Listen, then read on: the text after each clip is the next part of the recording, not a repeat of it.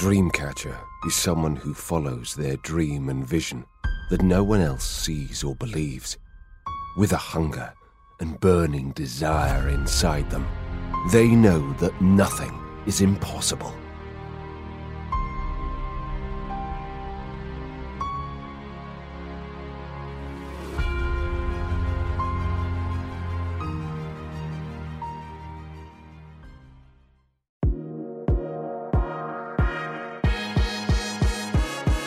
Dagens avsnitt sponsras av Sve Fastigheter. Vill du köpa, sälja eller investera i fastigheter? Besök www.swefast.se.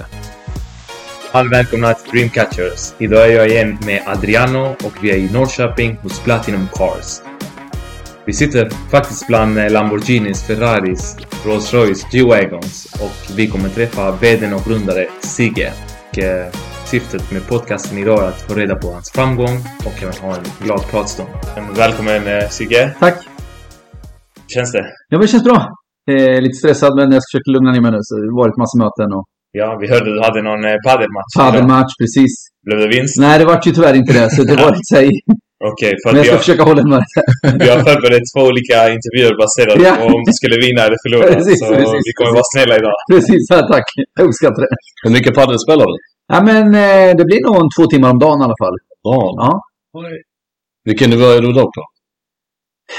Det beror på vem du frågar. Eh, Eller vilken dag. Det beror på vilken dag kanske Vilken också. dag? Nej, men jag har en, eh, en eh, merit som topp 100 i alla fall, som bäst. Eh, vissa dagar är jag säkert topp eh, 50 000. men men eh, vi har spelat en del A-klass, vi har spelat en del B-klass, vi har tävlat en del och förlorat väldigt mycket.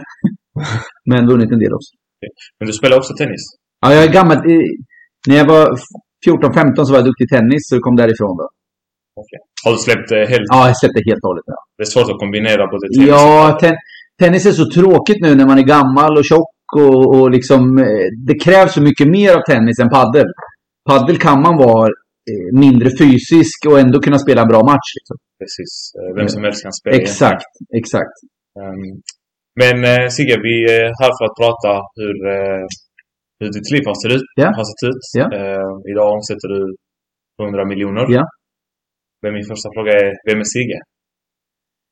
Nej, men jag är en vanlig kille från eh, Finspång. Jag växte upp i Finspång med två arbetande eh, föräldrar i, i, indus i, i industrin i Finspång. Vi hade liksom, inte dåligt, men vi hade ju som en vanlig mellanklassfamilj i, i Finspång, ett litet samhälle med 20 000. Eh, växte upp där, trodde att jag skulle bli eh, tennisproffs, eh, vilket jag inte blev. Eh, och eh, jag var ganska medioker i skolan egentligen. Det var tråkigt med skola. Eh, började knacka dörr. Sålde dammsugare på dörr. Blev snabbt en av Sveriges bästa dammsugarförsäljare. Eh, och eh, flyttade till Norrköping när jag var 18. Bott själv sedan dess, liksom, eller tillsammans med min nuvarande sambo i 30 år nu i januari här. Så att, eh, det har varit ett, ett långt förhållande. Och eh, jag är en vanlig kille egentligen som, som eh, eh, tror på det jag gör och, och eh, jag startar Manpower här också. Jag har haft flera jobb men startade, startade Manpower på östra Sverige, flera kontor och när jag var 25 hade jag 500 anställda. Eh, gick till Monster, världens största jobbsajt. Eh, var säljdirektör där, satt i Europaledningen. Eh, sen kom tsunamin. Och min mentor Mats då gick bort i tsunamin. Och det har varit någon form av liksom eh, wake-up call från den resan som jag gjort med att bara jaga pengar, karriär, titlar. Eh, vilket var en drivkraft hela tiden. Och då ville jag göra något helt annat egentligen. Och eh, då blev det så här, fan, ska starta upp... Eh. Många trodde att jag skulle komma hem till Norrköping och, och starta bemanningsföretag eftersom jag hade varit duktig på Manpower. Men, men eh, jag tyckte det var så tråkigt med personal och bara massor personalmöten. Och, så det vart eh, den här skarpa idén om att sälja bilar på garageuppfarten. Har du alltid... Eh, Alltid, alltid haft ett intresse för bil. Alltså, jag är ingen bilnörd i den formen av att vilja åka på bana eller meka med bilar. Jag tyckte alltid bilar var, var vackra att titta på. Och liksom, och, eh, någonstans liksom, eh, har det alltid varit en dröm om att ha en fin bil. Som jag tror många invandrarkillar har eh, som någon form av eh, statussymbol eller liksom att man har lyckats eller jag vet inte vart det kommer egentligen ifrån, men, men för mig var det så här, jag, tyckte, jag har alltid tyckt om bilar, jag har haft en passion för bilar på det sättet. Eh, och, eh, hade en Volvo 240 när jag fyllde 18. Eh, det är min första bil. Det är inte dålig. Nej, fyr- fyrväxlad deluxe. Men du nämnde lite här om mentor, eh, Mats här, Ja. som gick bort. Eh, När fick du in liksom en mentor i ditt liv här? Som, som du började Nej, men det var väl då när jag, när jag blev tidig chef. Jag var ju ung chef med... Jag, hade, jag var ju 25 år, hade 500 anställda. Det var ett stort ansvar som jag fick. Liksom. Jag startade ju Manpower i Norrköping till att börja med. På ett år var vi från 0 till 100 anställda. Det gick ju väldigt, väldigt snabbt. Eh, och på regionen gick vi ju från, från 0 till liksom 500 anställda. Och det är klart att plötsligt skulle man stå med i tv och det var, det var personal in och ut. Det var ju den här perioden när Ericsson gasa bromsa hela tiden och vi, vi fick både gasa och bromsa på Manpower också med personal in och ut i fabrikerna. Och, eh, helt plötsligt fick man ju bli liksom arbetsmarknadens språkrör på något sätt lokalt här då. Eh, och det var ju såklart en, en utmaning för, för det krävs ju en viss typ av ledarskap. Det krävs ju en viss typ av eh, ska man säga, eh, person för att orka med där. Liksom. Så. Men hur går man från, för att jag antar att du var en vanlig säljare från början. Jag var ju säljare, sen var jag säljchef och så, så liksom, eh, eh, fick jag det här ansvaret att starta liksom, Manpower lokalt i Norrköping. Eh, fan, Manpower fanns ju inte. Eh, och eh, då fick man ju gå och knacka dörr på för, hos företagen och säga hej, vi vill liksom hyra ut personal. Och ingen, ingen förstod ju riktigt vad det var vi höll på med. Sen kom ju Nisse på Manpower, jag vet inte om ni har sett Mm. den här reklamen Nisse Ja. på Manpower, som var väldigt framgångsrik på tv. Och sen rullade det på helt enkelt. Eh, Och där kom Mats in liksom i... Ja, Mats, Mats, var ju en, Mats Sävstam var ju en fantastisk person. För han trodde ju på mig tidigt. Han och eh, Monica Längbo som var personaldirektör då eh, gav ju mig chansen. Och det hoppas jag Monica nu eh, hör det här. Eh, det är jag evigt tacksam för det var ju en skola som, som eh, eh, har präglat, format mig som person. Eh, att, att vara chef för så många människor när man är så ung Eh, det var ett ansvar. Jag tror inte folk förstod riktigt. Men jag sov ju på kontoret. Jag, hade ju, jag, hade ju liksom, jag jobbade ju dygnet runt för att få det där att fungera. Eh, och eh, sen öppna fler kontor och, och på samma sak liksom. Man öppnar Nyköping, man öppnar liksom i, alltså i stad för stad och så tog jag över Linköping som redan fanns då. Och, och så vidare. Så, så adderar man på personal efter personal. Och personal då i, i, på den tiden som var äldre än dig misstänker jag. Ja, alla var ju äldre. Och jag var ju, jag kom ju liksom från, från sälj. Jag var ju säljchef innan, sälj, sälj liksom otroligt säljorienterad. Och så skulle man helt plötsligt få HR-människor i 40-50 års åldern som inte stressar ihjäl sig. Utan för, för att milt sagt säga liksom, de, de älskar ju det här lugna, lugn och ro och liksom eh, var det fika nio, då var det ju fika nio till halv tio. Och det var ju liksom, gärna skulle alla vara med på det här fikat. Mm. Och, eh, gärna långa luncher, gärna långa raster. Och man, man gjorde inte mer än ett kundbesök på förmiddagen, ett kundbesök på eftermiddagen. Man, man, man, eh, det, var ju, det var ju kulturkrockar med mitt gäng i Norrköping. Där jag fostrade dem. Jag tog in, jag tog in eh, Katja Lever till exempel som var elitbasketspelare. Hon hade ju aldrig jobbat i arbetsmarknaden. Men jag trodde på henne, tog in henne som personalansvarig för ett gäng. Och hon var ju precis som jag tävlingsinriktad och sen tog jag in en säljare som var otroligt driven. Så hela mitt Norrköpingsgäng var ju, vi var ju maskiner liksom. Det var ingen som ville fika där. Vi, vi ville ju liksom göra affärer. Vi ville ju skapa liksom resultat och vara bäst i Sverige, högsta tillväxt och så vidare. Och, så vidare och det är klart att det krockar ju med de gamla kontoren som...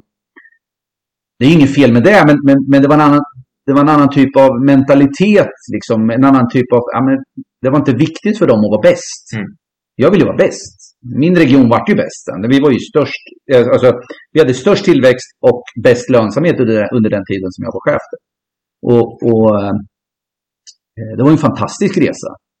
Där vi liksom jagade och vi hade kul och vi åkte liksom på, på eh, konferenser ihop. Och, eh, det är ett minne för livet. Så. Så jakten är liksom det som drev dig då? eller? Ja, men för mig var det ju liksom så här att jag, jag har ju alltid jagat, det är klart man har jagat pengar också, men någonstans på resan så har man ju pengar. Så man inte behöver tänka på pengar mer. Så, så för mig har det varit resan att vara bäst, liksom. Att alltid vara bäst. När jag växte upp i Finspång så sa de alltid till mig så här, men du kommer inte bli någonting. Du kommer inte lyckas, du kommer inte bli någonting. Du har dåliga betyg i skolan. Du, du, mina lärare sa ju alltid så här, du kommer inte bli något. Och, och, och, ehm, Och det är många som säger det idag också. ja, men, ja, men jag, ni som lyssnar på det här, jag tycker liksom oavsett om man, vart man ifrån. Jag har inte fått en enda krona av någon. När jag flyttade hemifrån har jag aldrig bett mina föräldrar om en enda krona. Jag har liksom inte, jag har inte fått någonting, jag har inte vunnit någonting, jag har inte ärvt någonting, jag har inte liksom... Utan det här är hårt arbete och, och de som tror att framgången kommer utan hårt arbete, ja men det kan ni glömma liksom. Det, det finns ingen, okej man kan ha tur, man kan ha liksom flyt och liksom lyckas ändå, men det är väldigt, väldigt få som gör det. Och det är samma i idrottsvärlden. Och där försöker jag förmedla, liksom, oavsett om du håller på med fotboll eller tennis eller paddel eller någonting. Vill du bli bäst, då måste du lägga ner tid. Du måste träna hårdare än alla andra, du måste äta rätt, du måste sova rätt, du måste liksom göra allting för att bli bäst. Det går inte som jag, gå och käka skitmat sju dagar i veckan och sen ställa sig på plan och så spelar man två timmar så tror man att man ska gå ner i vikt och vara vältränad. Det, det går inte. Eh, Det blir liksom ett nollsummespel i bästa fall. I, I mitt fall, så jag som är labrador, jag, jag, jag, jag, liksom, eh, jag håller mig på en jämnfet nivå. Så, tack vare paddeln. Ja. Men, men, men jag tror liksom att ska du vara... Det är, många ringer till mig och säger ja, men hur lyckas man? Ja, men det är hårt arbete. Det, det är liksom tufft arbete. Jag, jag, jag jobbar sju, timmar i veck- eller sju dagar i veckan fortfarande. Det är liksom... Det finns inga helger eller lediga semestrar. Eller, jag jobbar jämt. Det, det är så. Du blev eh, bäst eh, på manpower. Ja. Och sen du lämnade. Jag lämnade och så gick jag till Monster och samma sak på Monster gjorde vi en fantastisk resa där också. Eh, med tillväxt varje kvartal och så vidare. Så, så att liksom, för mig har det alltid varit eh, det har varit etta inget på något sätt. Mm. Det är som idag, jag förlorade en match. Det var, inget, det var en social paddelmatch. Men, men jag blir skitirriterad. Mm. Alltså, Och detta här måste du ha byggt alltså redan i tidig ålder ju. Ja, ja, absolut. absolut. Alltså, jag stod på tennisbanorna i Finspång från morgon till kväll. Alltså från morgon till kväll stod jag där för jag ville bli bäst. Jag ville bli liksom, jag ville bli John McEnroe. Mm. Eh, det var liksom min stora, min stora dröm. Fick du stöd av dina föräldrar? Vi träffade din pappa tidigare i- idag så han var här och Pappa? var väldigt stolt. Ja, pappa är 85 år. Han, han jobbar ju fortfarande lika hårt. Han, han är ju pensionär, men han är ju här. Han springer i trapporna och liksom hjälper oss med allt möjligt här. Eh, extremt energi liksom. Mm. Vilka förebilder hade du när du var ung? Ja, men det var väl någon av de här tennisproffsen liksom, som, jag, Ja. som jag såg som stora förebilder. Jag tyckte John McEnroe var liksom cool. Han, han fick lite vredesutbrott på plan, och liksom, han, men han var jäkligt bra. Han var ju världsetta liksom. Och, Mm. eh, körde mot Borg. Det var ju Ja. liksom... Eh, det var en häftig period. Tuffa dueller. Ja. Och hur, vad, vad tycker du liksom vikten av ett mentorskap? Hur viktigt är det? Ja, men många frågar mig om mentorskap. Jag tycker det är viktigt att ska man vara mentor eller man, man ska ha en mentor, då måste det finnas en, en, en tydlig agenda. Vad ska det ge liksom? För båda parter? För då? båda parter. Ja. Och mentorn, må, jag har sagt ifrån, eh, för jag har inte tid. Jag skulle jättegärna vilja hjälpa fler, men, men idag har jag inte tid och då är det bättre att säga ifrån. liksom. Eh, men, men är man upcoming som anställd kanske, liksom, eller som, som chef, eller som startar en eget företag, eller vad man nu har gjort, så tror jag att det kan vara bra en mentor att bolla med och diskutera med för att få råd och liksom inte bara eh, jobba på sitt eget sätt. Och du har varit anställd tidigare. Nu, Ja, nu ja, driver du ja. eget. Men eh, hur lämnade du ekorrehjulen? Nej, men det var ju när tsunamin kom så satt jag i kyrkan i, i Stockholm. Eh, Carola sjöng. Jag hade alla de här stora förebilderna, börs som är i Dagens Industri. De kände ju Mats. Det var, ju, det var en jättefin begravning och det var väldigt, väldigt mycket tunga näringslivsmänniskor på i, kyrkan. Och där någonstans, jag är inte religiös, men där någonstans så kände jag att livet är mer än bara jobba liksom. Så jag kastade in handduken och, och eh, Först tänkte jag skulle bli någon form av managementkonsult eller ledningskonsult eller något liknande. Hur gammal var du då? Ja, men då var jag 30, 32 var jag då. Eh, och, och, men så, så gick jag hem och så funderade jag på fast jag skulle sälja bilar liksom, på garageuppfarten. Och, och ingen trodde på mig.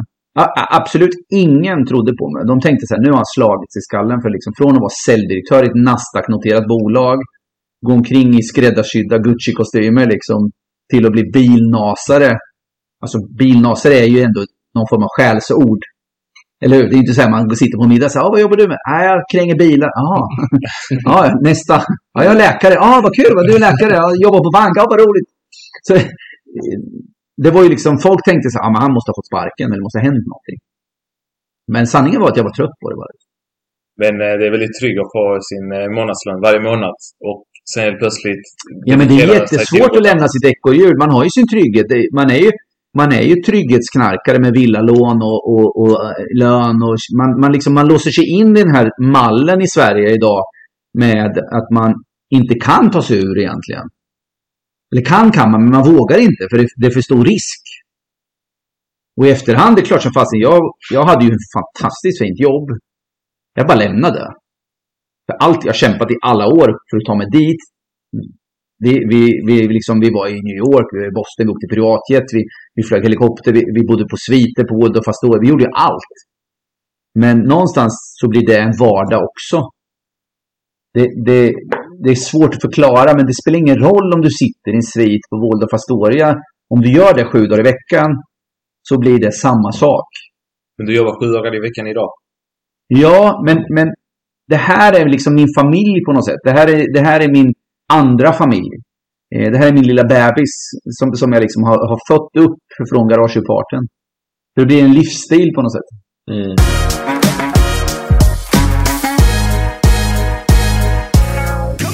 Och när du öppnar, heter det, Platinum Cards också Ja. direkt från början. Ja, ja. Hur ser din familjesituation ut då och hur ser den ut idag? Nej, men då eh, hade jag ju fortfarande min, min eh, livskamrat sedan 30 år tillbaka. Och eh, har fortfarande det. det Mm. Och barn har du ja, två barn. Ja. Och ja, det blev ju en förändring både liksom arbetsmässigt, familjemässigt. Ja, men så är det. När du öppnar eget företag så måste du satsa Ja, hela din tid på det. Hur, hur var det i början när du öppnade? Liksom, hur mycket var du tvungen att uppoffra? Så folk Nej, men jag har ju offrat, jag har offrat liksom otroligt mycket. Jag tror inte folk förstår eh, hur mycket jag har slitit för att ta mig ur den första perioden. Alltså, det är sjukt jobbigt när man startar en sån här typ av verksamhet som kräver så mycket kapital. För du ska köpa bilar för en viss summa. Sen ska du vänta på att de blir sålda. Sen ska du köpa kanske eller byta in ett inbyte.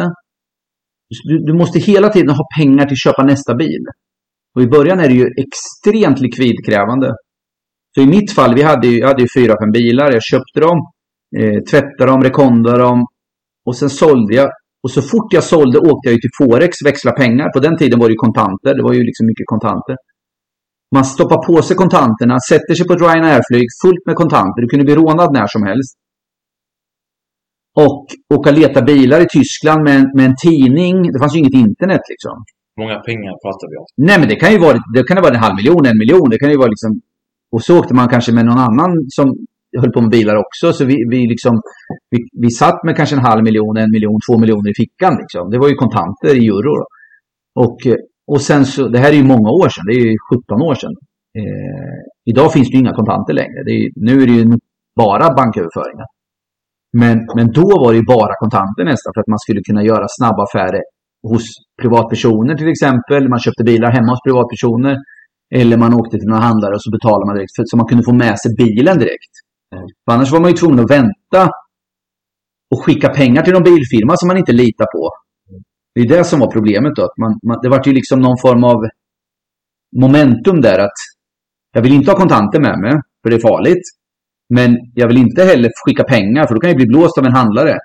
Har det hänt dig? Har du blivit Ja, vi har blivit blåsta flera gånger.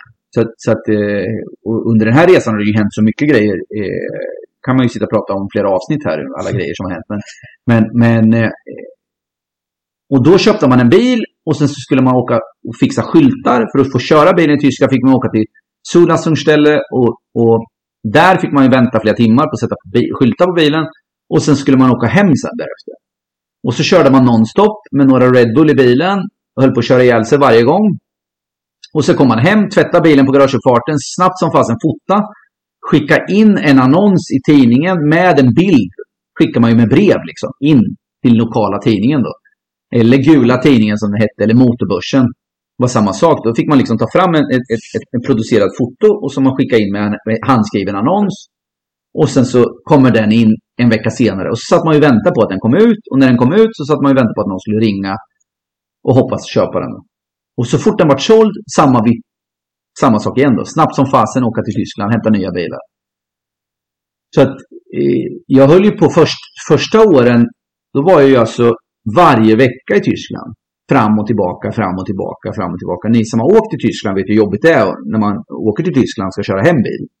Men om ni tänker att ni gör det 40-50 veckor i rad, då förstår ni hur trött man är. Mm. My- Mycket egentid i bilen som man hinner fundera Ja, på. men det var ju inte heller den tiden man satt och ringde i mobiltelefon. Det var ju så jäkla dyrt också. Liksom. Mm. Så, och det fanns ju inga poddar att lyssna på. Eller, det var ju liksom inte så.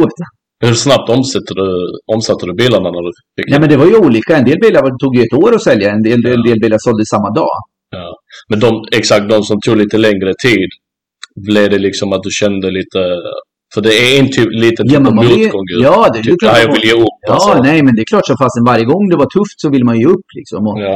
Vad fick dig att fortsätta och trycka igenom? Nej, men jag, ja, men det är väl den här envisheten som man har liksom. Mm. Eh, Men kände du någon gång typ, ah, nu... eh, många gånger. Många gånger. Många gånger. Kanske man fick något eh, jobberbjudande från någon tidigare Ja, det hände flera gånger. Det hände flera gånger. Men du var Men, men någonstans så kände jag så fast jag vill, bli, jag vill bli lite större, jag vill bli lite bättre, jag vill vara etta. När var Jag, det jag glömmer aldrig, jag var på en resa med, med en bank som bjöd oss på en resa. Det här var 2007. Och så sitter jag i en buss. Och så, så är det en lokal handlare här som jag fortfarande är kompis med, eller kompis, vi känner varandra. Eh, han säger till mig, eller han säger, de, andra handlarna säger i bussen, för det, är en, det är en handlarkonferens där banken bjuder handlarna på resor. Då. Eh, och så har man en konferens och då säger de i bussen så här, jaha, eh, till den här killen då, har du fått konkurrens i Norrköping? Och då säger han så här inför allihop, och skrattar lite så här, det var inte meningen att vara taskigt, men, men han, det här var faktiskt en, en sak som jag bara tänkte så här, fan jag ska bli störst liksom. Jag hade bara fem, sex bilar, eller tio bilar kanske. Då säger jag, nej, nej, men han är ingen riktig handlare. Han har ju bara fem, tio bilar. Och han äger ingen bilhall heller. Han har ingen fastighet. Man måste ha fastighet för att kalla sig bil, bilhandlare. Typ något sånt. Och det var, eh, jag ska inte säga bara det, men det var en del av en morot. Jag kände att jag ska visa den här. Jag ska vara störst, jag ska vara bäst, jag ska vara liksom nummer ett. Eh, Hur lång tid tog det innan du kom handla? ja, men det tog några år. Såklart. Eh, men men eh, det var en skön känsla liksom. Att kunna vara bäst i det här segmentet. Vara nummer ett i liksom sport och lyxbilar. Liksom. Och, Är han kvar idag? han är kvar idag. Ja. Men om, om vi tittar tillbaka, du började där hemma på garageuppfarten. Vad fick det plats där? Tre, fyra? Tre, fyra bilar var Ja, tre, fyra bilar. Idag står vi här. Hur många bilar har du idag? Ja, det var 200 bilar här någonstans. 200, ja. Kunde du se det framför dig att det skulle bli liksom... Nej, men det, var, det var aldrig meningen att det skulle bli så här stort. Mm. Utan, utan tanken var nog att köra den här liksom bilfirman på uppfarten och sen starta någon form av bemanningsföretag. Jag hade ju nog det i ba- i bakhuvudet hela tiden. Okej. Eftersom jag hade varit så framgångsrik där. Men jag ville inte göra det direkt för att det var lite tråkigt. Så här. Men det var den naturliga fallskärmen på något sätt. Men sen helt plötsligt började jag skriva kontrakt i köket varje dag. Liksom, och, och, och min sambo kastade ut mig och sa nej, det räcker nu. Vi vill inte ha mer folk hemma. Liksom. Mm. Eh, och så startade jag första lokalen med, med sex, sju bilar. Fick en plats. Eh, och då var, det, då var helt plötsligt vart det ju på riktigt på något sätt. Mm. Och jag ville kopiera Nymansur har ju så liksom låsta dörrar när man ska gå och Mm. köpa klockor. ni vet, Så, så, och då, då fick jag den här idén om att men jag ska göra likadant så det ska vara lite exklusivt. Så jag skulle låsa jag skulle låsa dörren då. Liksom, så, och får man ringa på en ringklocka. Och så, så det ska vara lite Porsche sådär. Problemet var bara att jag satt en hel vecka kom inte en enda människa dit. alltså inte en kund och inte en människa. Så att jag fick ju låsa upp dörren och öppna den och ställa den på vid gavel. Och helt plötsligt började det komma lite kunder och så, så liksom ja, det ena gav det andra och sen så efter något år senare så, så eh, var det för trångt och då kände jag så fan ska jag ta det här steget och bli en riktig bilhandlare då. Och då tog jag en, bil, en, en, en lokal som kunde ta 30-40 bilar. Eh, bredvid Toyota här i Norrköping och då kände jag så här Många sa så här, nej men nu, nu har han tagit vatten över huvudet, det här kommer aldrig gå med så dyr hyra och liksom.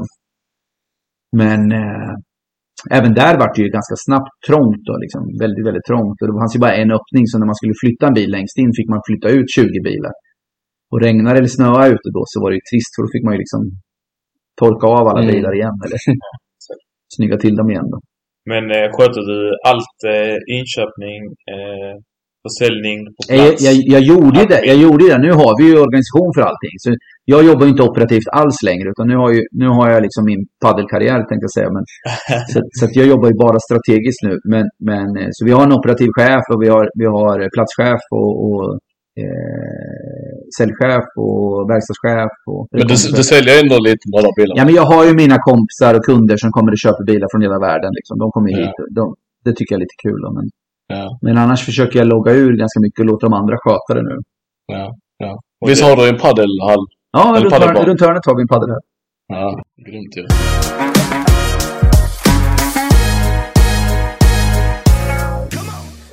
Men om vi tittar på, på motgångar. Har du någon motgång som du känner under tiden då när du byggde upp ditt företag som du känner att det här kommer jag aldrig glömma? Den här motgången som jag tog mig förbi. Nej, men jag, jag hade en barndomskompis. Vi var verkligen eh, bros liksom. Vi, vi, vi, eh, vi eh, växte upp tillsammans, vi gjorde bus tillsammans, vi, vi krigade på liksom i Finspång där vi växte upp. Han eh, valde en, annat, en annan typ av karriär. Liksom. Eh, den, den kriminella vägen lite mer. Eh, och, och eh, när jag var 18-20 så, så flyttade jag från Finspång för att liksom inte hamna i det samma liksom gäng där. Så det var ett gammalt gäng vi hade. Och eh, han, eh, han hjälpte till att tvätta lite bilar, han hjälpte till att, rekonda lite bilar, så han jobbade, jobbade i restaurangbranschen, krogbranschen också samtidigt. Men, men liksom ju längre tiden gick desto mer så, så vart han liksom eh, eh gick inte att rädda på något sätt. Eh, och han tog sitt liv och där, där känner jag någonstans mitt i den här resan att hade jag kunnat gjort något annat, hade jag kunnat hjälpa honom på ett annat sätt, hade jag kunnat liksom jag var ju mitt i den här karriären att bygga bilfirman liksom. Eh, och, och jag räddade honom två gånger, eh, men tredje gången gick tyvärr inte då. Då, då hade han bestämt sig. Men, men eh, och det är någonting som jag känner eh, som gnager i mitt huvud till och från. Liksom. Skulle, skulle jag kunna gjort så? Hade jag gjort så? Eller hade jag kunnat åkt hem till honom innan? Eller hade kunnat rädda den en tredje gången? Mm. Eh, det är väl en stor motgång liksom som jag känner. Eh, sen att jag förlorat bilaffärer eller att firman har gått bra eller dåligt. Eller liksom så. Vi har ju 17 år med tillväxt i princip. Det är ett år som inte har tillväxt. Firman har ju gått jättebra liksom, i alla år. Eh, skulle kunna gått ännu bättre om vi fortsatt gasa ännu mer. Liksom. Jag, jag har ju blivit lite tjock och gammal och trött nu. Liksom, med, med, lite mätt. Men, men eh, nu har vi fler städer på gång. Vi öppnar i Helsingborg nu i mars-april. Bygger jättestort fint där nere. Eh, Stockholm är på väg. Eh, och nästa blir utlandsexpansion. Då. Så vi har en tydlig plan för vad vi ska göra med firman. Då. Men, men eh, Det känns som du aldrig är nöjd hela tiden. Nej, men jag är aldrig nöjd. Det, det är lite som min, som min eh, fru säger också. Du är aldrig nöjd. Vi, vi har ju liksom... Vi kan ju sluta jobba för länge sedan. Jag jobbar ju inte operativt så, men, men jag, jag, jag vill hela tiden liksom strategiskt. Vad kan vi ta nästa steg? Hur kan vi liksom... Ja, I mitt huvud har vi redan öppnat Stockholm nu. Eh, vi, vi, vi är liksom eh, inte ens öppnat Helsingborg än, men, men, men jag är redan steget före i Stockholm. När har ni Mm. tillträde i lokalen? Eh, Stockholm kommer vi bygga förmodligen. Vi, vi, vi, vi har flera alternativ. Ni som har fastigheter får jättegärna höra av er om ni har fastigheter, bra locations i Stockholm. Hur stora? Ja, men vi kan tänka oss hyra också. Eh, men vi äger ju den här fastigheten, vi äger den i Helsingborg. Vi har ju, helt plötsligt har vi ju två fina fastigheter Mm. som, som, som eh, det är ett ganska fint fastighetsbestånd. Man pratar ja. fastighet två, två, två stycken eh, fastigheter som, som och, och vi hade gärna velat bygga i Stockholm, hitta en mark i Stockholm. Vi har lite förslag men det är inte, det är inte 100% perfekt än. Vad hade varit drömläget? Ja, men drömläget hade väl varit Danderyd. Mm. Någonstans i Danderyd. Norr om stan skulle jag Mm. vilja vara. Mm. Inte för långt ut. Mm. Och utomlands, vad tänker du? Utomlands tar vi i, i, så fort vi har öppnat Stockholm och Stockholm går bra skulle jag vilja öppna locations. Marbella? Naturligt, ja. Marbella är inte fel. Varför valde jag, tror ni Marbella, Helsingborg? jag tror inte Marbella blir liksom eh, första location. Vi har, vi har en annan stad som vi tror på. Är det den du pratar om i andra Ja. podcaster? Vi, vi, vi, vi, eh, nej men vi, vi har några städer som vi ser som potentiella. Ja. Men, det- men det är ju inget att sticka under stol Alltså Tyskland, Frankrike, Spanien, Italien. Alltså vart vi än skulle bygga vårt koncept med den här setupen som vi har så kommer det lyckas.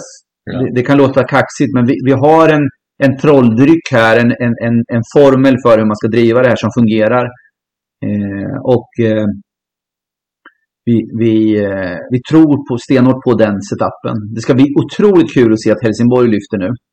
Eh, När, Helsing- när öppnade ni? I april öppnar vi. Och varför valde ni just Helsingborg? Helsingborg vart en slump egentligen där vi eh, hade en kille från NCC som tjatade på att vi skulle bygga där samtidigt som vi hade en tjej som sökte jobb. Eh, som vi trodde väldigt mycket på som kom från branschen. Eh, och eh, efter mycket tjat, mycket om och men så åkte vi ner. Och eh, jag är väldigt spontan som person så. så eh, när jag väl bestämmer mig för någonting, ja men då blir det så. Eh, jag sa till dem, låt mig gå själv på, på den här ni vet vart vi bygger i Helsingborg? Ja. Bre- bredvid Porsche där. Ja. Vi bygger ju ett spektakulärt hus i Helsingborg kan man väl säga. Det, det är liksom 25 meter högt bredvid Porsche där och Hornbach. Eh, Jag gick ut på gräset och så, så blundade jag och så kände jag bara så ja här blir det. Så snabbt fattade jag Så beslutet. klippte du fastigheten helt så, enkelt? så tog vi tomten där. Ja. Kommun gav oss möjligheten att köpa tomten. För att Okej, de, ja. de har ju tackat nej till flera stycken eh, som har velat köpa den tomten. Men, men vi fick ett jättefint rekommendationsbrev från eh, Norrköpings kommun. Så tusen tack Norrköpings kommun för det. Och tusen tack för Helsingborg som tror på oss. Liksom. Och, och, eh, vi har haft otroligt mycket människor i Helsingborg som har ringt och som har välkomnat oss. Och liksom, eh, människor som, som är från, eh, ja, men från alla eh, branscher egentligen eh, i Helsingborg som, som inte har köpt bil av oss. De har, de har ringt ägare, ägare till stora bolag, eh, kommunen, polisen har ringt oss. Och, Alltså vi, vi, vi har fått jättefint välkomnande liksom och här ska ni känna er trygga och, och, och bygga. Och, vi kommer ta hand om er i Helsingborg. Så det, det är jättekul. Vilken kontrast från att gå från att öppna i Norrköping där ingen trodde på dig, Nej, bara din svärfar, Ja. så som vi ja, hört, precis. precis. till att nu, vad är det, 16-17 år senare, Ja. alla ringer dig. Ja, men det, det, det är otroligt. Alltså, alla ni från Helsingborgs kommun, eh, fantastiskt fint mottagande, det måste jag säga. Och det känns som att relationer är väldigt viktiga för dig. Relationer är otroligt viktiga för mig. Kontakter, jag har ju kontakter över hela världen. Vi, vi känner folk överallt och, och vi, vi liksom försöker bonda med, med så många som möjligt. Och eh, det har ju hjälpt oss hela vägen egentligen. För det, det är liksom, oavsett om man är i Marbella eller om man är i Spanien eller Frankrike, Italien, Tyskland så, så, så ehm, har vi lärt känna människor som vi tycker jättemycket om och liksom eh, bondar med och gör affärer med och eh, hjälper varann. Och, ja, Mm. eh, och, och den lojaliteten vi har från våra kunder eh, där vi har eh, ja, ni vet ju själva här utan att nämna namn. Vi, jag, jag kom precis från ett möte med, med, med en av Sveriges mest framgångsrika närings, när, alltså, de har ett jätte, jättefint mång, mång miljardbolag. Han är ägare till ett av bolagen. här. Han var en av mina största, en av mina, en av mina första kunder på Garagefarten. Mm. Och 17 år senare så är vi jättebra kompisar och vi gör affärer fortfarande. Och hela familjen är här och handlar bilar fortfarande. Trots att de eh, kan göra affärer var som helst egentligen. Eh, och det, det uppskattar jag och känner liksom att när man har den här typen av människor som är otroligt framgångsrika. Det kan vara fastighetsägare som har ja, men de största fastighetsbolagen i Sverige som är här och köper bilar. Och, och, och, och få det förtroendet och bli kompis med de här människorna och, och, och liksom eh, eh, eh, jag uppskattar det väldigt mycket och jag tror att de uppskattar att jag fortfarande är en vanlig kille. Och jag, jag säger vad jag tycker till de här människorna. Jag, jag bryr mig inte om du är miljardär eller om du inte har en krona på banken. För mig är, för mig är det viktigaste är vem är du som person. Liksom. Så. Eh, och, och, och liksom jag är ju fortfarande kompisar som jag har varit kompis med i 40 år nu. Jag, jag fyller 49 nu på söndag. Men, men jag har ju kompisar som jag, som jag har känt sedan jag var liksom 7-8 år. Mm. Så, som vi liksom fortfarande är mina bästa vänner. Väldigt viktigt med förvaltning av relationer och Ja, förvalt-. Ja, förvaltning av relationen och, och att alltid göra rätt för sig också. Mm. Eh, det tror jag också är en, en sån sak som har gjort att vi har lyckats så pass bra. Att vi, vi, vi försöker alltid göra rätt. Eh, och händer det någonting eller, eller det, det, det är någon bil som går sönder eller någonting. Då gör vi alltid då behandlar vi alltid folk så som vi själva skulle vilja bli behandlade. Vad skulle du säga till någon som kanske är på väg att starta något? Man vet inte. Starta inte bilfirma. det, väl, väl, väl, skulle jag vilja säga direkt. Så det finns Men om de tänker starta något annat som inte är en bilfirma? nej, men om du ska starta något annat så inte bilfirma. För, utan att skoja nu så tror jag bilfirma är nog det absolut sämsta du kan starta. Med tanke på hur mycket pengar du måste lägga ner, hur liten marginal det är i branschen och hur mycket huvudvärk du får. Var försiktig nu, kanske finns någon Sigge Junior som... Nej, men jag, jag, jag, säger, jag, bara säger det. Sen får folk starta. Eller jag, och, men, jag säger, det, det, det är otrolig huvudvärk. Du ska sälja bilar.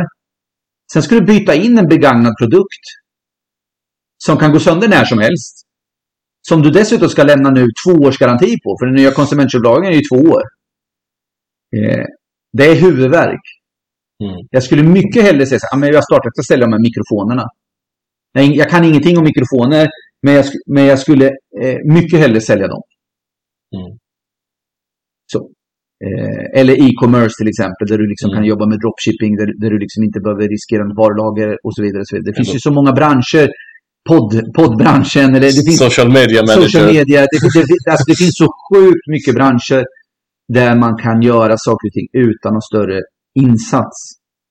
Mm. För bilbranschen är för mycket risk, det är för mycket huvudvärk, det är för mycket eh, kapitalbildning. Men oavsett vad du ger dig in på, mindset.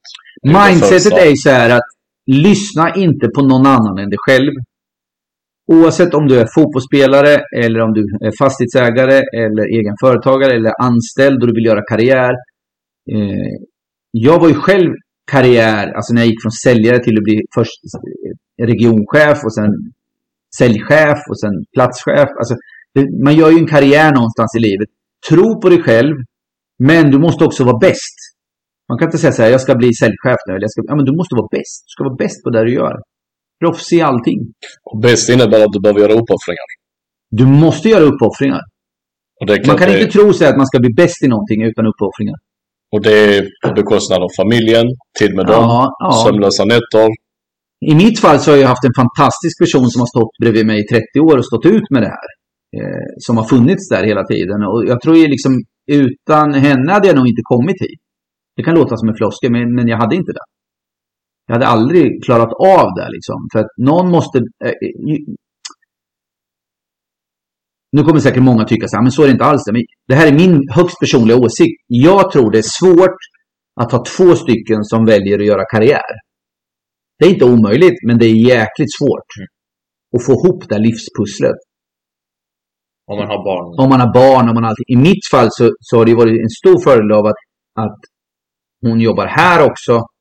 Och vi kan liksom styra hennes arbetstid. Och liksom, behövs det hämtas något barn, någon är sjuk eller någon. Då kan man liksom lätt lösa det internt. Liksom. Mm. Eh, och, och att någon tar ett större ansvar för hemma, hemmaföretaget och någon tar ett större företag för det andra företaget. Liksom. Ja. Eh, så så eh, Sen är det bara jag, hyllar all, jag hyllar alla som står bredvid sin partner, oavsett om man är man eller, eller, eller kvinna, så, så, så hyllar jag alla som står bredvid sin partner som eh, gör en karriär i någon form av, och, och, och tar liksom väldigt mycket plats. Liksom. Väldigt, väldigt mycket plats tar man ju. Liksom. Man får ju lite rampljus. Och, liksom. Mm. men, men jag vill också hylla de som står bredvid och liksom gör det här i, i tysthet. Liksom, och tar... Det är klart att man kommer hem så är man sopslut vissa dagar. Det har hänt saker, det har varit kunder, det har varit tjafs, det har varit... Ja, men allt möjligt kan hända. Eh, och det går dåligt eller det går bra. Det, det är ju, man är ju berg i humöret. Liksom. Och, och, och då ha någon som man kommer hem till som stöttar en liksom, i vått och torrt. Det, för mig är ju det oerhört liksom, viktigt. Om man säger. Mm. Mm. Eh, och jag tror en del av nyckeln till framgång är att man orkar liksom, pusha på. Liksom. Kunna koppla av också och vila. Ja, koppla av och vila.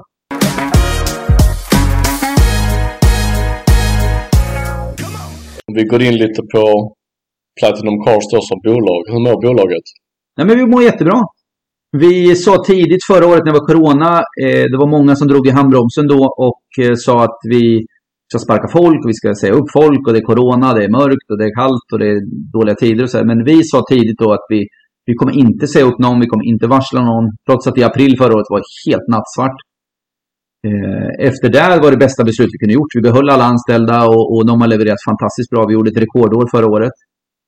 Eh, I år så är ju krig, eh, ni vet ni det är krig och det är corona och det är dåliga tider och det är räntehöjningar och det är allting och branschen sjunker 18 procent. Eh, vi är på väg att, att tangera förra årets rekord, rekordsiffror så det, det, för oss är det fantastiskt kul. Och, och, personalen har gjort ett fantastiskt jobb. Mm. Av dina köpare du har här på plats, hur många är från Sverige och hur många är från utlandet?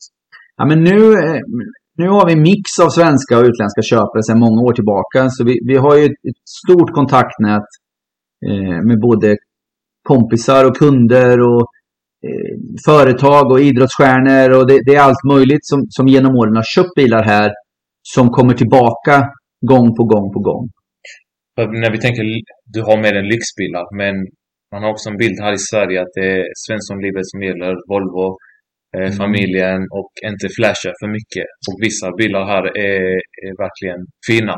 För de som tycker om lyxbilar. Nej, men vi har ju bilar som, som, som är väldigt, väldigt dyra. Eh, och många i Sverige är ju som du säger, man vill inte sticka ut. Man vill inte visa sig för mycket. Man, man är rädd för jante, man är rädd för eh, allt möjligt liksom egentligen. Eh, men, men vi märker fler och fler, precis som jag själv känner så här, jag är 50 år snart. Liksom. Eh, vad ska jag göra med pengarna? Eller vad ska jag göra? Eh, om, om du är anställd, säg att du har sålt en fastighet till exempel, du får massor med pengar. Vad ska du göra med dina pengar? Ja, du kan titta en fond som går upp och ner. Men hur kul är det egentligen? Det är liksom, okej, okay, jag blir lite rikare, men, men pengarna har ju inget värde egentligen förrän du gör något med pengarna. Sen om det är att köpa en fastighet till, ja det kanske någon tycker är jättekul. Ja, men jag äger en fastighet till. Ja, det är ju fine, det är ju det är kanon. Men att sitta bara på dem och inte investera dem i någonting. Alltså något, något som man kan ta på. Mm. Köp en sommarstuga, köp en båt, köp en lägenhet, köp, köp ett hus, köp, köp eh, hus i Marbella. Alltså, fullfölj din dröm. Är en bil en investering idag? Alltså, många säger ju att bilen är katastrofinvestering och det är den väldigt, väldigt ofta. Men när du köper den här typen av bilar som vi säljer, inte alltid, men, men väldigt, väldigt många av de här bilarna är unika objekt. Det finns inte så många av just den modellen.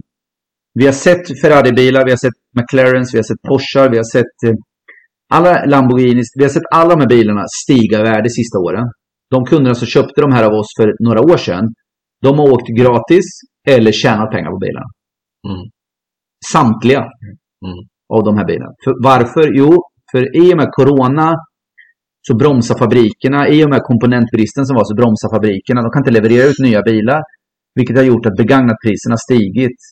Även på Volvobilar, även på andra bilar har begagnatpriserna stigit.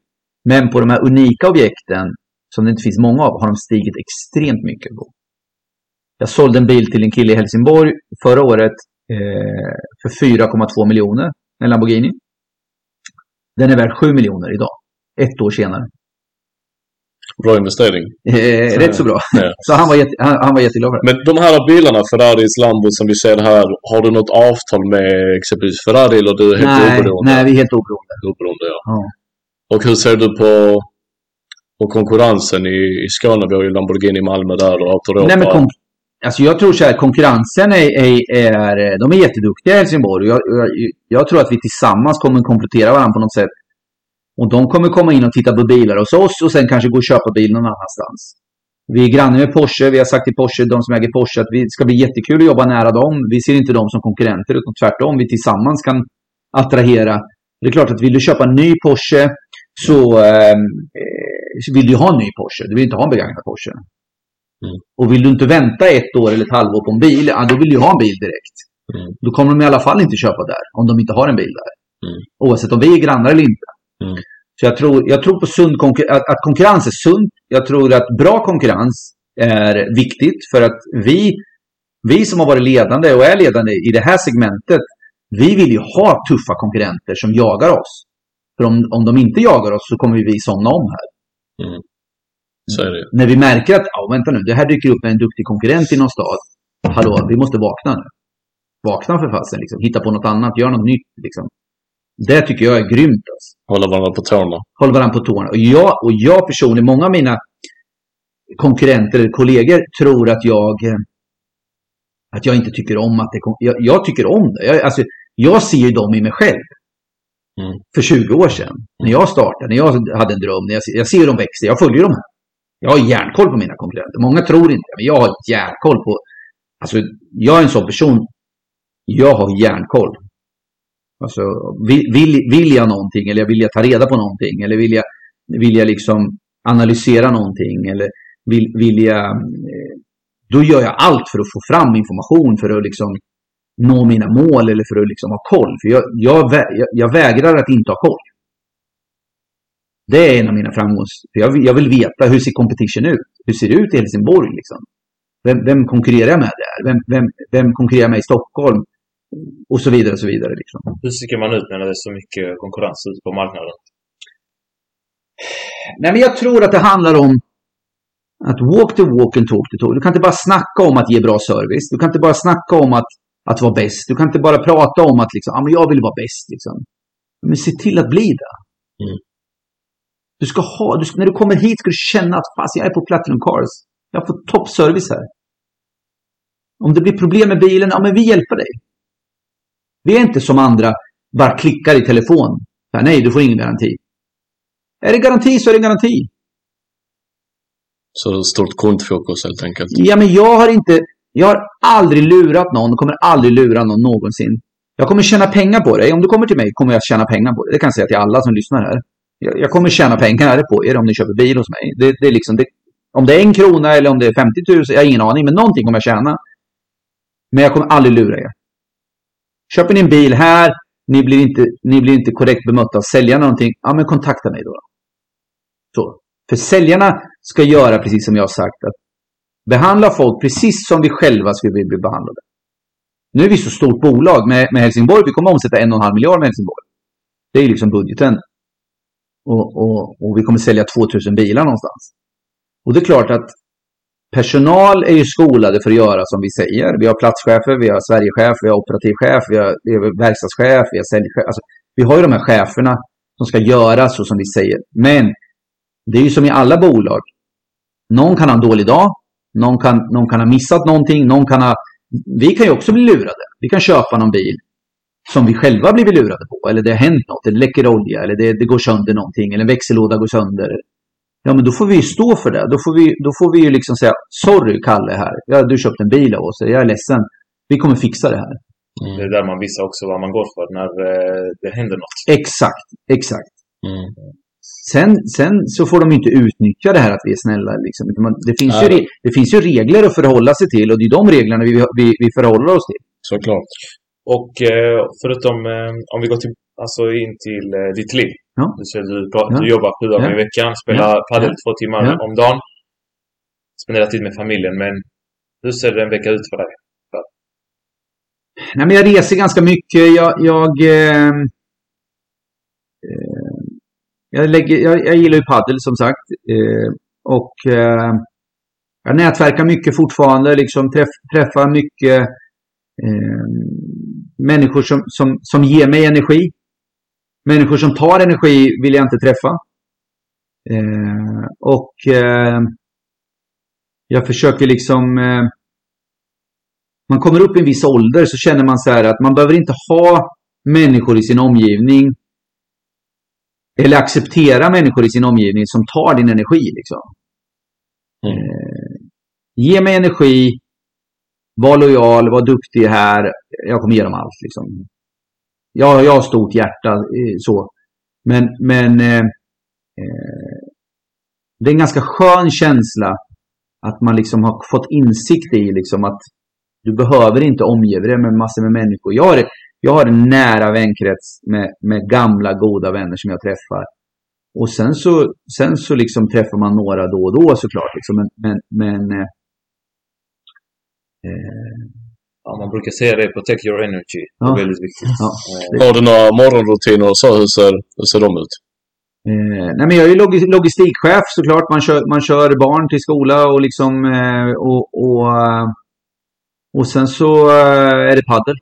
Padel, Ja. padel, padel. padel. Ja. Men hur, berätta lite om er eh, VIP-service.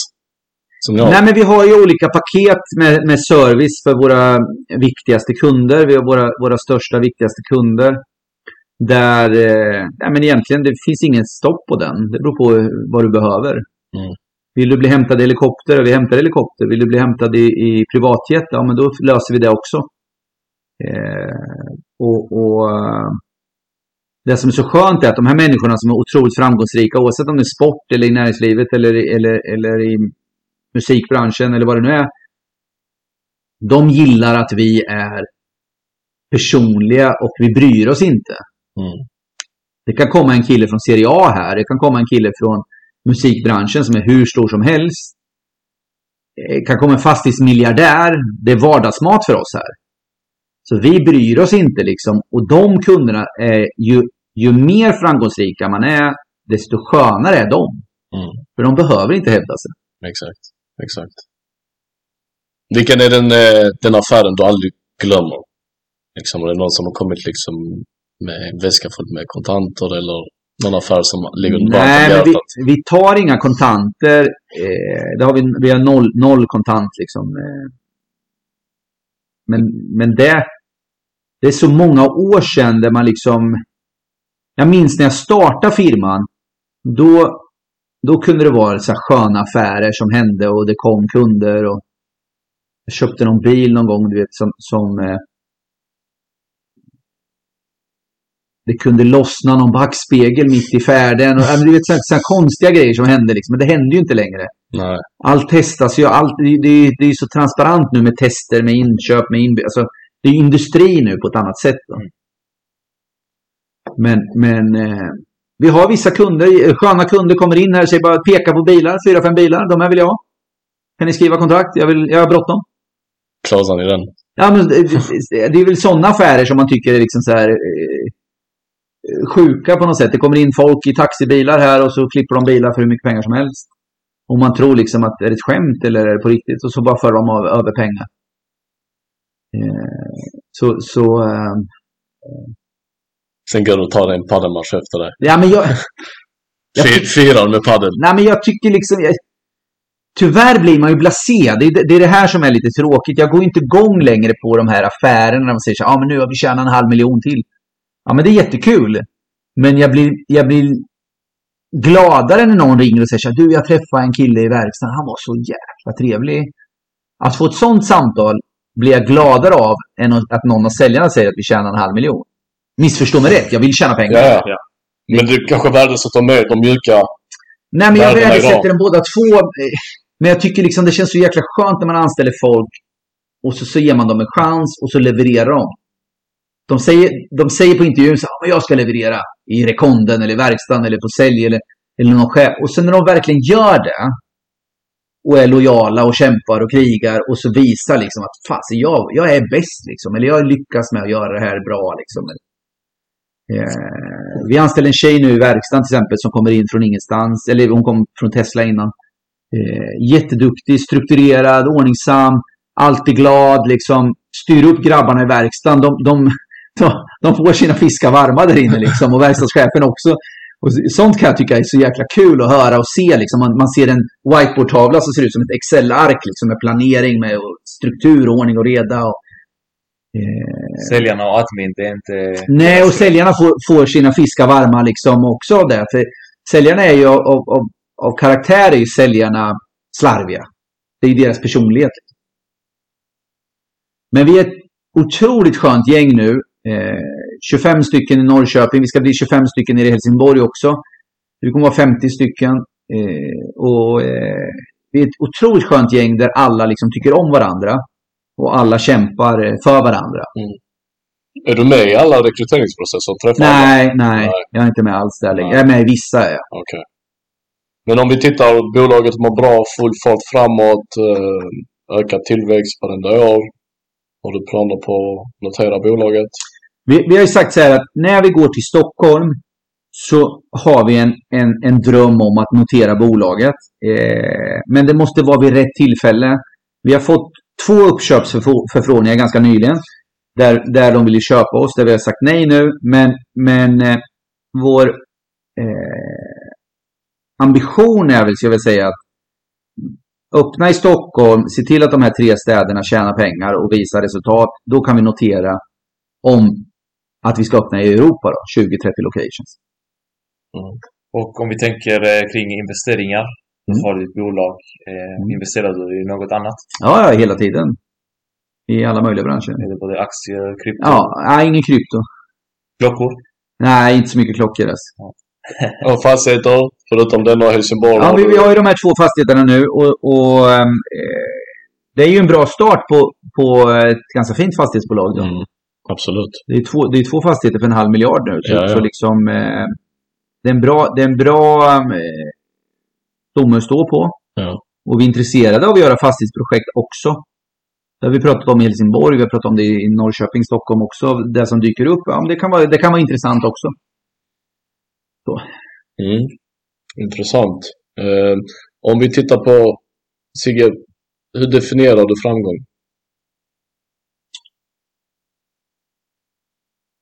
Eh, framgång för mig är väl lika med lycka. Jag vill säga. Är du lycklig så är det framgång. Oavsett om du är rik eller fattig. Om du, om du känner så här, fan jag är så jävla lycklig. Alltså jag, jag är på den här platsen i mitt liv där jag känner liksom att jag får hålla på med det.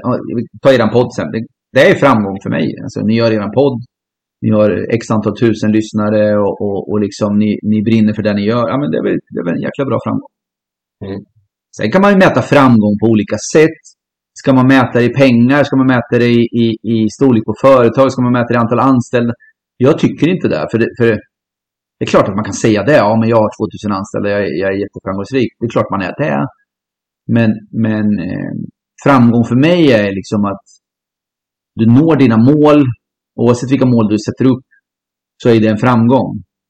Om det är liksom att, att, att ta sig från att bli säljare till att bli säljledare kanske. Eller, eller, eller från säljledare till att bli säljchef. Eller, det är en naturlig framgångssteg hela tiden. Från att kanske köpa en första fastighet med fem lägenheter och så köper du en ny fastighet med tio lägenheter. Ja, det är klart det är framgång. Mm. Jag håller med. Men om du skulle ge liksom ett sista tips här innan vi rundar av till en eh, person som är driven, målmedveten men kanske otålig. Liksom, ja, jag, vill mycket med snabbt, förstår du vad jag menar? Ja, men jag är ju sån. Jag, jag, vill ju, alltså jag, jag är ju extremt otålig. Jag vill gå till börsen nu. jag, jag är liksom, fast, varför kan vi inte gå till börsen nu, nu, nu, nu, nu liksom? Ja, men det är dåliga tider, man ska inte gå till börsen nu. Det är dåliga tider. Nej, men vad fasen, skit i det liksom. Jag vill, jag vill i alla fall. Liksom. Men, men jag tror att lyssna inte på alla andra, kör! Kör! Tro på dig själv liksom. Det är basics. Det, alltså, ja, men liksom det... Många kan säga, ja men det är lätt för han att säga, han äger Platinum Card. Ja men, vänta nu. Jag startar med två tomma händer. Kan jag så kan ni. Det är så. Jag har ingenting som någon annan som lyssnar på det här. Jag har två händer. Jag pratar, jag lyssnar, jag ser, jag liksom... Jag har, in, jag har ingen liksom backup i form av investerare eller finansbolag eller liksom... Jag hade ingenting. Jag hade mig själv, jag trodde på mig själv. Yes, så, uh, så det är väl det jag skulle vilja säga. Kan jag så kan ni. Ja, det är grym, superbra tips. Uh, Sigge, tusen tack för att uh, vi fick komma idag mm. till din bilhall. Ja. Uh, sitta här bland Lamborghinis och Ferraris, det gör man inte varje dag. Blir ni sugna eller? Ja, absolut. tusen tack. tack så jättemycket. Så hörs vi i framtiden. Ja, absolut. Tack så mycket Sigge. Tack.